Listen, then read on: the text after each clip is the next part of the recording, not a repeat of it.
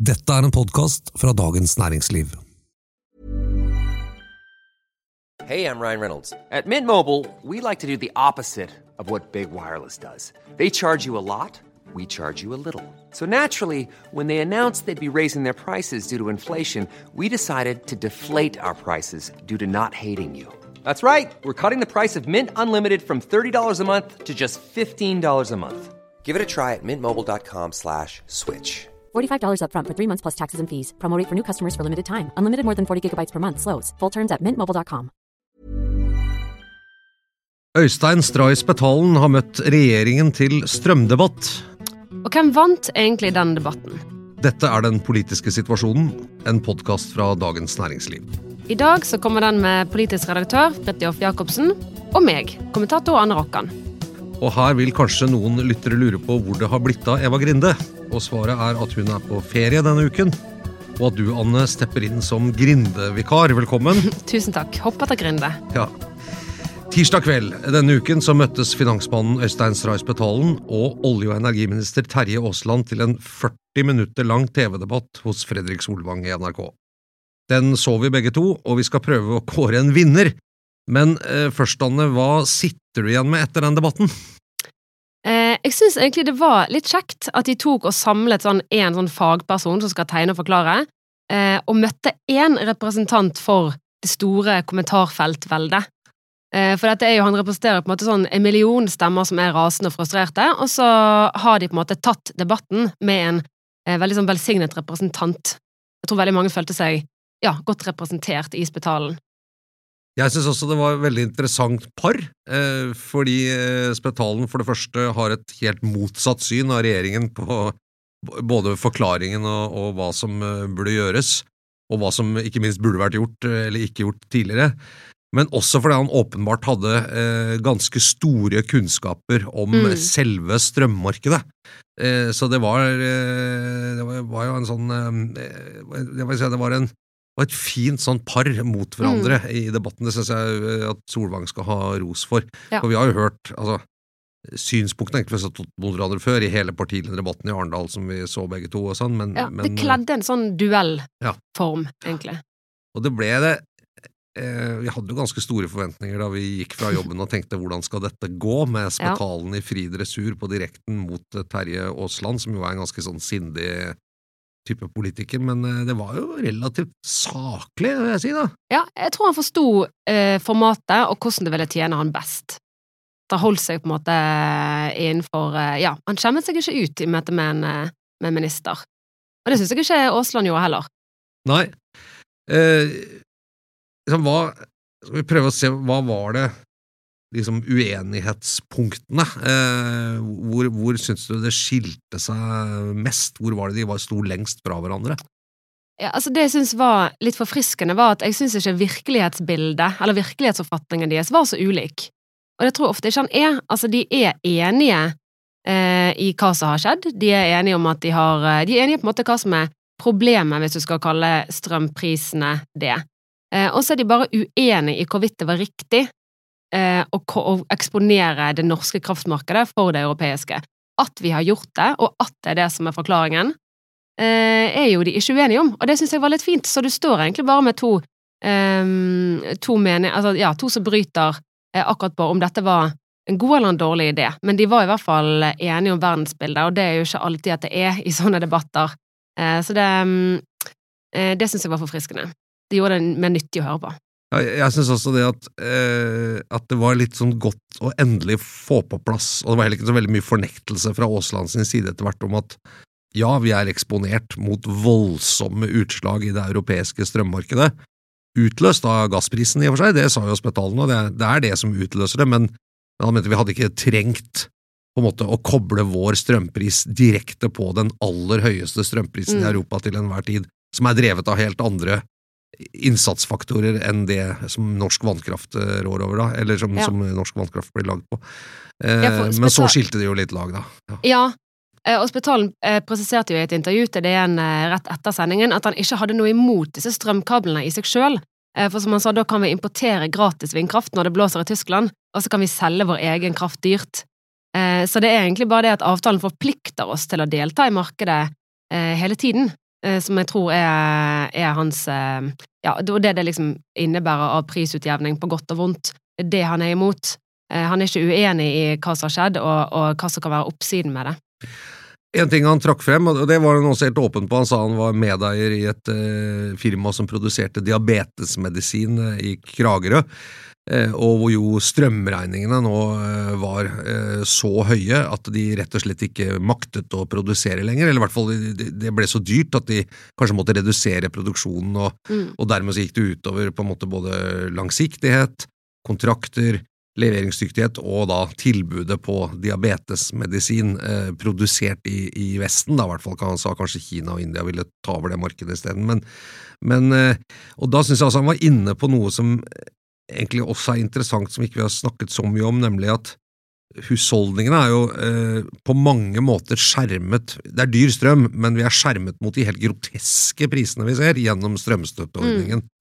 Men næringslivet er jo eh, mye, mye mer utsatt, og her er det jo litt sånn måned for måned, nå vet ikke jeg hvor mye utsettelse man kan få, periodisering og sånt på strøm, men, eh, men jeg tror det eksempelet med Spetalens da, eh, egen bedrift i Kragerø er egentlig ganske, ganske godt.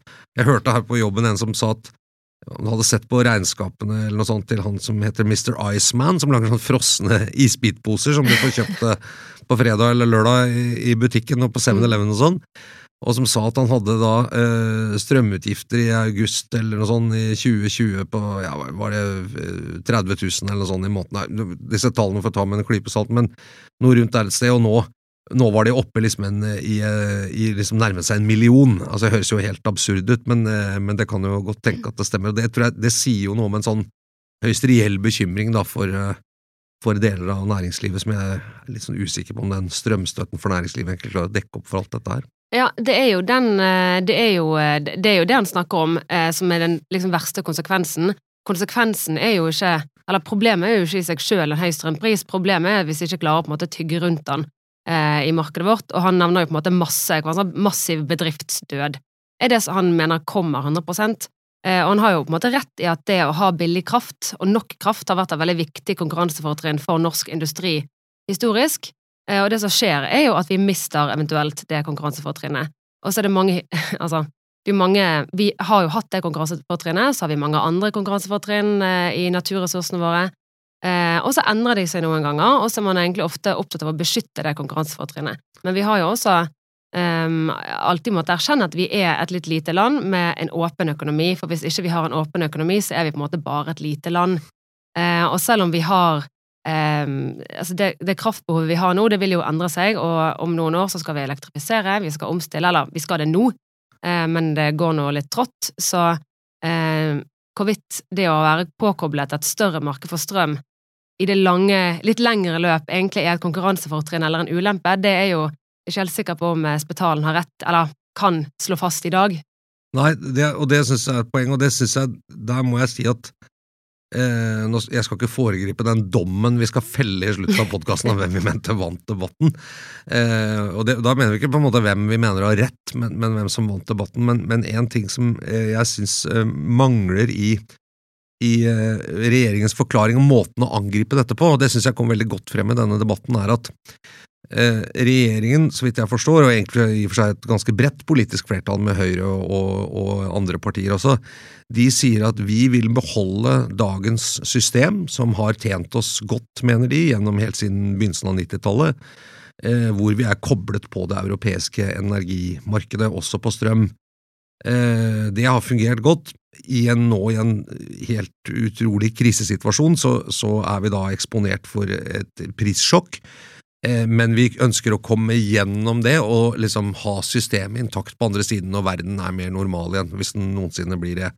Og imens så får vi prøve å bøte på prissjokket med penger, eh, midlertidige ordninger osv., og, så videre, og behandle det nærmest som en slags sånn eh, forbigående krise, uten at vi river opp hele systemet med roten.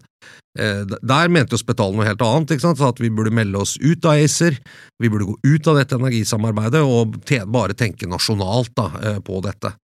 Og så hørte jeg at Aasland sa at ja, det kan du godt mene, men da ryker EØS-avtalen, sa han.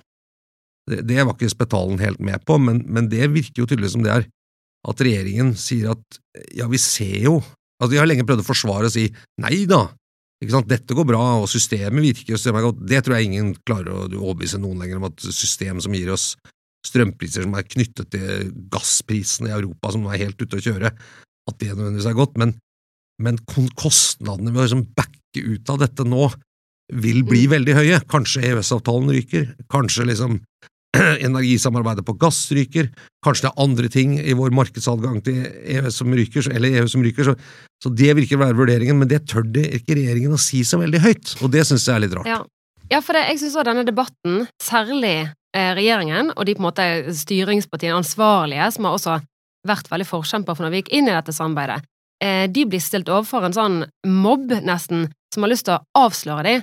Eh, og det sa jo spitalen artig nok sjøl, at vi på en måte, vi, eh, dette systemet blir utnyttet av spekulanter og kapitalister, på en måte, som er veldig artig at han, eh, at han eh, eh, kritiserer sånn generelt, da. Eh, Men jeg synes det er ofte en sånn at de har lyst til å, eh, å avsløre dem på noe. Akkurat sånn at disse politikerne har eh, solgt arvesølvet, de har utnyttet oss, de har på en måte lurt oss, eh, og her ser vi problemet. Men jeg er ikke helt enig eh, i at det er det som har skjedd. Eh, eller det, det er jo på en måte ikke det som har skjedd. Dette er jo et system vi valgte fordi vi trodde etter beste evne at det var en god idé. Eh, og så valgte vi det med den vissheten om at Altså, vi har valgt oss et system som på en måte varsler om knapphet på varen ved at prisene stiger, og at de som har eh, mest behov, eh, eh, signaliserer det gjennom betalingsvilje, og da får mest av den knappe ressursen som strøm eller energi alltid har vært. Og så skjer det som skjer nå, så står vi i en ekstraordinær situasjon, og det er ingen overraskelse at systemet virker som det virker. Det virker på akkurat den måten det har virket godt. Nå virker det dårlig. Eh, Så når folk skal ha en sånn herre eh, Her ser vi, de har lurt oss hele tiden. Det er sånn, nei, og det syns jeg egentlig at regjeringen kunne vært litt tydeligere på. At dette er ikke et sjokk, eh, og her liksom trekkes teppet ned, og her avsløres det noe. Det er det akkurat samme systemet eh, som før. Det er bare at nå på en måte, nå står vi i en situasjon der du får tøyd strikken, og det begynner å bli ubehagelig.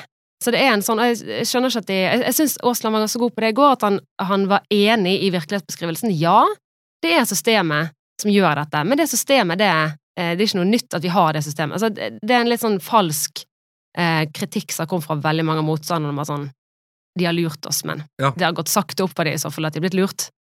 Her tror jeg også det ligger noe politikk, for systemet er jo knyttet til EU, det er knyttet til EUs energidirektiver, knyttet til og så har du jo en kontrollmekanisme i dette ACER, som skal på en måte passe på at ingen, Mm. at alle følger på en måte reglene på markedsplassen her. Og det må vi jo nesten ha skal vi først være med og leke. Ja, vi, ja det, det er jo logisk det, ikke sant? Mm. Eh, Så, vi, så, så på en måte ACER er en naturlig konsekvens av den dataen vi har gått inn på, men, men det er klart, for en regjering med for det første da med Senterpartiet inne, som jo eh, ikke nødvendigvis liksom gir sin tilslutning til europeiske ordninger bare fordi de er europeiske, og fordi de mener vi tjener oss å være en del av det, eh, så er det kanskje litt vanskelig å, eh, å være, snakke helt rett fra levra om dette. Eh, og det andre er jo også at det er ganske store deler av venstresiden i LO en del av Arbeiderpartiets bakland som også har alltid vært negative til og hatt en litt mer sånn selektiv tilnærming til hvilke EØS-mekanismer vi, eh, vi skal slutte oss til, og sagt at vi kan jo velge bort dette. Altså? Hvis man sier at eh, nei, strøm det er på en måte som vann, eller det er en helt nasjonal ressurs som vi skal bruke selv, hvorfor skal vi behandle det på samme måte som andre varer som vi liksom eh, som vi handler og, og flytter helt uhemmet med EU. Dette er jo noe helt annet, det er helt grunnleggende behov, da. Det er veldig liksom langt eh, Blir det nede, eller på toppen av behovspyramiden til mennesker? Ja, Ganske langt eh, nede. Ja det gjør vel det. Grunnleggende. Ja, ja, det er ikke liksom eh, chipsen på toppen. Nei. Det er ganske viktig. Vi har liksom ikke så mye valg heller. Strøm må vi ha, Ja. eh, og den lages av vannkraft stort sett, og vi, vi kan ikke liksom si nei, jeg velger noe annet. Eh, Det holder ikke. En, gass, en gasskomfyr holder liksom ikke. Nei. Eh, og det, jeg tror jo da at kanskje vi må få debatten litt mer over i det sporet, så, at, at også regjeringen kan tørre å si at ja, dette er drit, Mm. men alternativet å melde oss ut av dette for å få en kortsiktig gevinst med lavere priser, det vil bare få en masse andre konsekvenser som gjør at Mm. totalen blir enda verre. Så her er det liksom et valg mellom to onder, tror jeg, og, Mm. men de har lenge liksom prøvd å fremstille det som om det ikke er noe onde, og det, det, det Da Ja. blir det jo lett match for sånn som Betalen sier det, Det er det jo. enig Ja, Ja, at du må på en måte belite deg på det systemet du har valgt. Ja. Det visste vi innebar en risiko. Det var bare litt usannsynlig at dette her at denne perfekte stormen skulle klinke til. Dette var jo et problem også før Russland. Og det må jeg si, det syns jeg var et artig grep Spetalen gjorde ganske tidlig i debatten. eh, å lene seg godt frem og si, eh, sånn typisk sånn politiker med pekefingeren opp sånn, jeg må bare si en ting, peker han på Aasland og sier, han kommer til å prøve å skylde alt på krigen, Ja. eh, og på en måte punkterte det som nok var noe Aasland hadde tenkt å gjøre, for det er jo helt riktig at eh, i en allerede presset situasjon, så, så ble det krig, der, der liksom energi og ressurser er en veldig viktig strategisk, eller et strategisk våpen, da. Men han punkterte det ganske tidlig, eller prøvde i hvert fall, sikkert etter å ha sett eh, Støre i den partilederdebatten i Arendal, egentlig eh, har ganske stor suksess med å mane til måte det større bildet, og at det tross alt er en helt eksepsjonell situasjon med mer enn en kald vinter og litt vindstille og, og litt opplett i Nord-Norge, eller i Sør-Norge. Mm. Um, ja. Så det var litt artig. Det, det tror jeg han hadde planlagt godt på forhånd, og det var gøy å se han eh, ja, gikk til krigen, han òg, på en måte. Jo, jo, men det er jo også helt riktig. Solvang viser også fram en kurve som sier at når er det prisene begynner å gå i taket? Jo, det er jo når Putin begynner å redusere gasstilførselen med Mm. noe sånn. Nå har vi litt vedlikehold på denne ledningen, ikke sant, eller gassrøret, og da gradvis reduserer det var litt rart, det Ja. vedlikeholdet hele Ja. veien, var ikke det? Alltid litt rart som det er når russere kommer med noe såkalte begrunnelser, så kan man jo aldri stole på jo De har jo vedlikehold nå også, så det er jo uheldig for dem at Ja. de har så mye trøbbel med den kabelen. Ja, Det er det er veldig, veldig uheldig. Eh, og så, eh, men så, så, så det, ja, det er jo riktig at det er jo Russlands på en måte uttrekk av store eh, mengder gass som eh, forrykker hele gassmarkedet. Eh, men så kan man si på den annen side, hvordan kan man havne i en situasjon der man ga Putin dette eh, mulige våpenet? Eh, For vi har sett at han brukte det i Ukraina, vi har sett at han har brukt energi som, som pressmiddel mot andre land. Og så trodde man kanskje i Europa nei, han tør ikke å bruke det mot oss. Vi skulle, de skulle jo til og med bygge en ledning til, ikke sant? Mm. Nord Stream 2. Eh, og, og det husker jeg faktisk at en av, en av tingene på dette berømte Nato-toppmøtet med Trump i Brussel, der man liksom lurte på om Nato kom til å overleve eh, at Trump kom på besøk, så har man jo også sett eh, film og sånn derfra nå, hvor en av de tingene han er aller hardest på hele tiden, er jo å si til Angela Merkel at den Nord Stream 2 og mer russisk gass inn, det får du ikke lov å bygge. Ikke gjør det, ikke gjør det, ikke Mm. gjør det, fordi at uh, da setter du deg selv i en veldig sårbar situasjon, og så skal vi komme og redde dagen din, ikke sant, når, når Putin bruker det våpenet.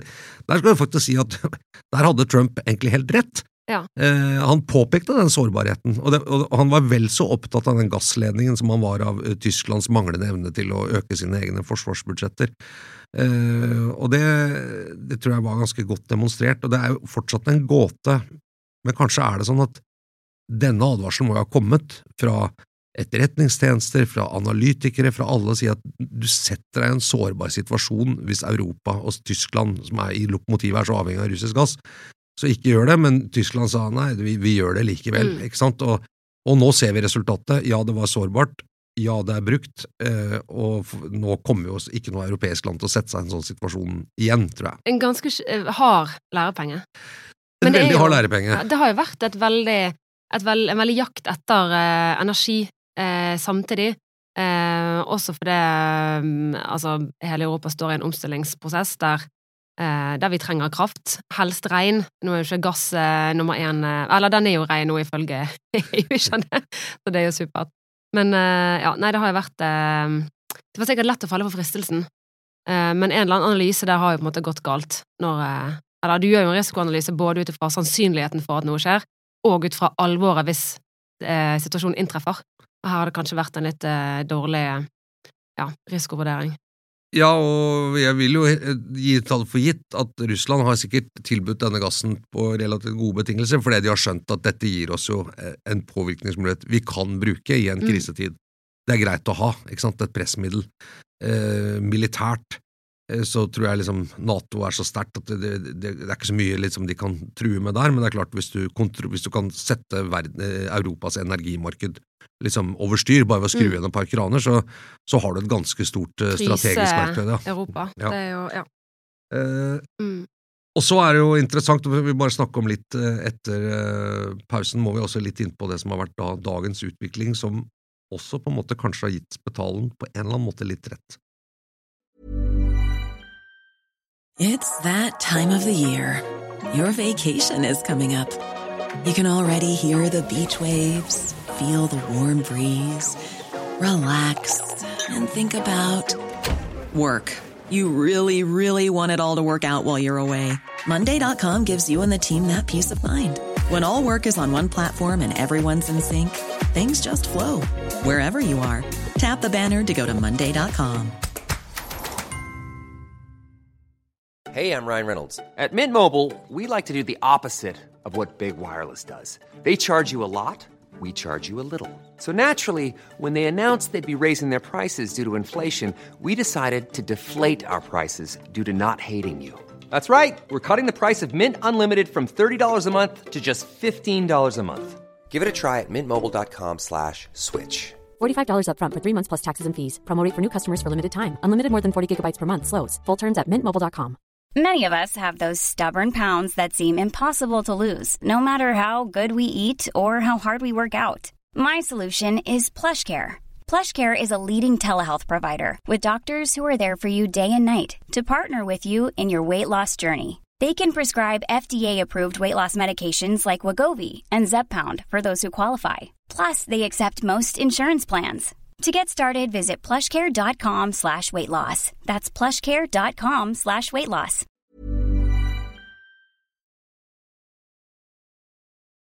Fordi rett før vi gikk inn i dette studio, så kom det jo nyhetene fra Brussel at von der Leyen, eh, som eh, sjefen for EU-kommisjonen, har holdt en tale i dag og prøvd å si noe om hva EU skal gjøre for å prøve å liksom få kontroll over dette energimarkedet.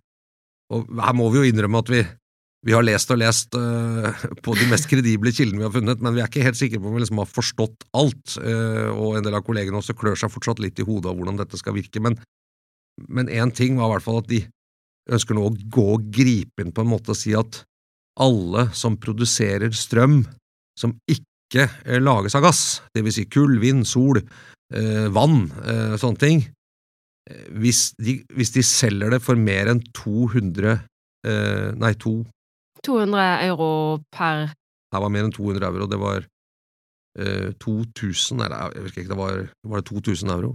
Skal vi se. Eh, nei, Nei, 200 euro. 200 euro per megawatt. per megawatt-time, eh, som tilsvarer da ca. to kroner kilowattimen, da, eh, sånn rundt regna, eh, så får de ikke beholde overskuddet av det. Da tar, skal eh, måtte Mm. statene i EU bare ta alt. Ikke sant? All profitt over det skal bare rett og slett beslaglegges. Ja. Et ganske dramatisk uh, Men spørsmålet er jo hva det gjør med markedet, for det at Eller spørsmålet er om det gjør noe med, egentlig med markedet, for gitt at den profitt hvis du, Altså, tanken er jo at det er ganske eh, billig å produsere eh, strøm og vind eh, Nei, vind og vann og sol. Eh, sånn at du Jeg vet ikke hva produksjonskostnaden er på den jevnt over i Europa, men den er ganske mye mindre enn en 200, kron, eller 200 euro megawattimen. Eh, så det skal være ganske høy profitt likevel, for vanligvis har jo disse fått selge strømmen sin til den samme prisen som de som selger strøm produsert av gass, Mm. som er utrolig mye dyrere å produsere, særlig nå når gassen er dyr å kjøpe inn. Eh, sånn at du har fortsatt ganske god profitt. Det er fortsatt ikke sånn at nå er det så kjedelig å produsere solenergi at du ikke gidder å gjøre det lenger. Eh, så tanken er vel at de skal fortsette å produsere akkurat like mye som før, og eh, solenergi og en del av disse fornybare som dette kommer til å gjelde for, er jo det ingen vits å spare på heller. Nei. Eh, sånn som det er med vannet. Eh, så tanken er at de skal produsere Dette skal ikke gå utover tilbudet eller produksjonen, men at Og det skal heller ikke gå utover prisen, så vidt vi kanskje tror, eh, for at prisen skal settes i markedet sånn som før. Bare det at når disse strømprodusentene får prisen sin satt av markedet, så stikker staten av med alt over 200 eh, euro megawattimen. Det og kan dele det ut igjen Ja, til de som og det er jo interessant, for vi har jo, nå vet jeg ikke hvordan skattelovgivningen på dette er i alle land i Europa, eh, noter det som en liten lekse, men i Norge så har vi jo ganske kraftig beskatning på vannkraften vår gjennom grunnrenteskatten, eh, så vi tar jo allerede inn fordi vi, altså både fordi vi eier det sjøl mye av det, men også det vi ikke eier sjøl, får vi den skatten fra, akkurat som vi gjør av petroleumsproduksjonen vår, som vi ikke trenger å eie sjøl for, å- å tjene mye på som nasjon. Eh, selv om så vidt vi igjen forstår det riktig, så er dette 100% av skatten, eller 100% av, av eh, prisen over 200, mens i Norge så tar jo du eh, Det er vel en eh, Ja, hva den grunnrenten er på på vann, det er ikke noen og 30 kanskje. Mm. Så du legger på den vanlige skatten, da. Men, eh, men så det Og de inntektene, de skatteinntektene, er jo noe av det vi nå pøser ut som strømstøtte til eh, husholdninger, og kanskje, eller nå etter hvert til bedrifter også. Så det er jo eh, Ja, velkommen til et, til et gjennomtenkt skatteregime. er jo Ja, det er jo det, men Men det er også interessant å se at eh, EU da gjør, hvis dette går igjennom i alle medlemsland, så, sånn som jeg kan se på det, uten å ha forstått alle liksom, teknikalitetene og detaljene, så sier de jo fortsatt at systemet består. Eh, men vi gjør noen ting for å trekke inn penger og sånn, og dele det ut igjen og redistribuere mm. liksom alle ekstrainntektene, særlig for det som faktisk ikke er dyrt å lage, eh, fordi det er ikke du bruker ikke gass, du bruker andre ting. Eh, og Særlig hvis vindmøllene har stått en stund, så er det jo på en måte nedbetalt. Nye anlegg har vel litt eh, høyere kostnader da, som skal nedbetales av investeringer og sånn, men da eh, og det, og det, men, men, ideen er at det også er et tiltak som kan da rulles tilbake igjen, sånn at systemet kan gå på akkurat samme måte mm. når, hvis det en gang blir normalt. Og så vil det jo også premiere da alle som produserer strøm som ikke er laget av gass, les russisk gass inni det, eh, vil jo ha et insentiv til å produsere så mye som eh, mulig.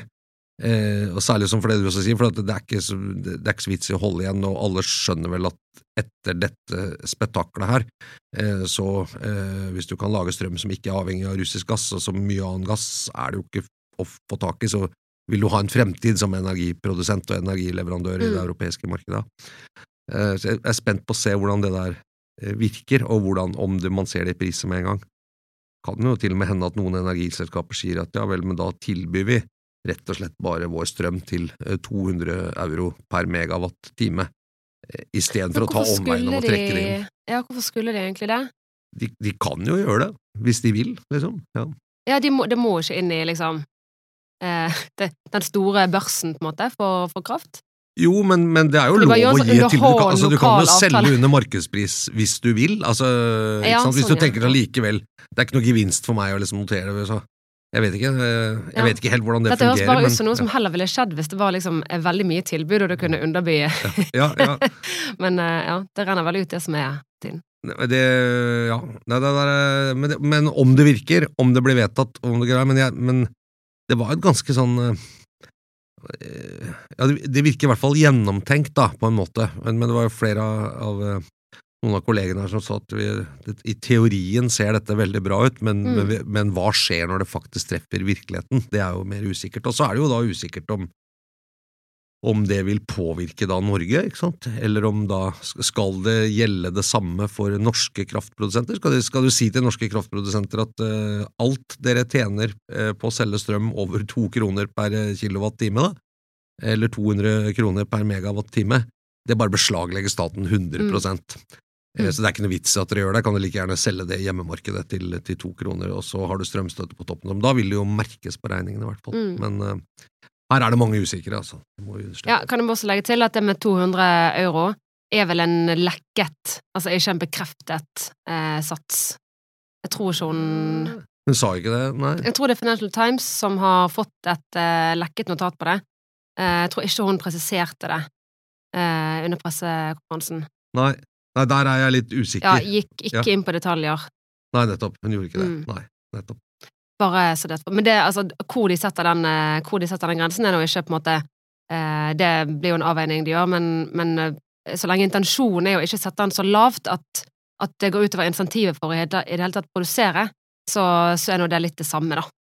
Og hvis, bare for å nevne da, Hvis man lurer på liksom, hvor faller dette 200 euro per megawatt-time inn, så er jo den eh, spotprisen nå for elektrisitet generelt i Tyskland som er de som setter mye av prisen her, er i dag 450 euro per megawatt-time. ja. Ikke sant? Hvem syns vi vant debatten, egentlig? Um, jeg liker å tenke på det som at jeg syns at Aasland tapte han overraskende lite.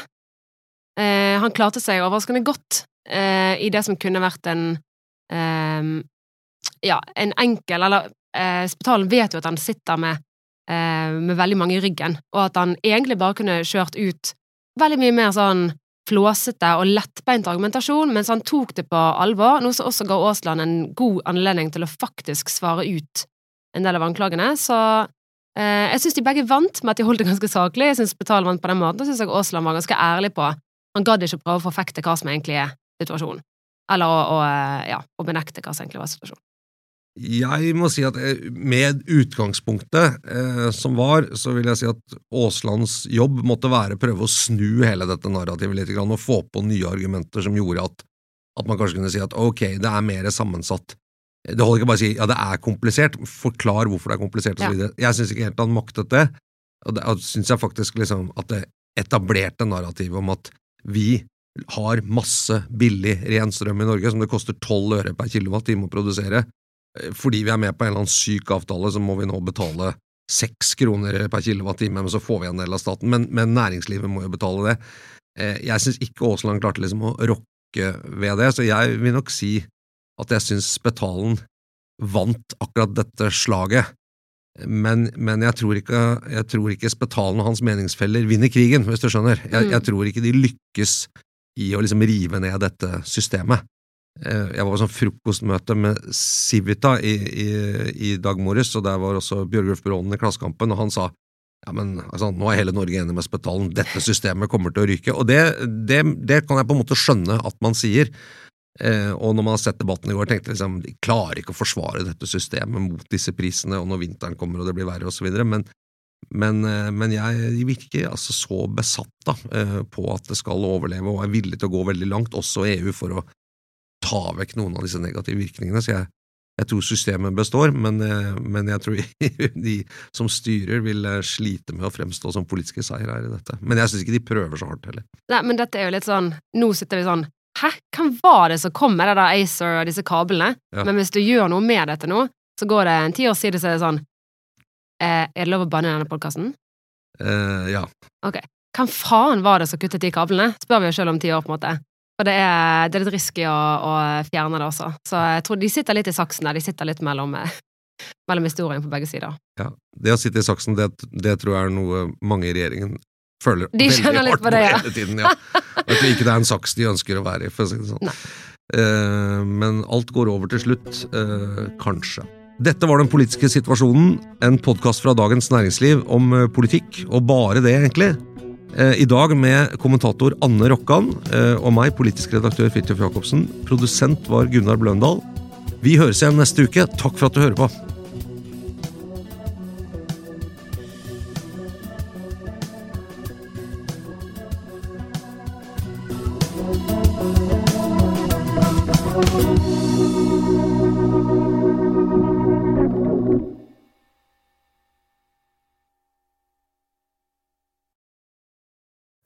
Du har nå hørt en podkast fra Dagens Næringsliv.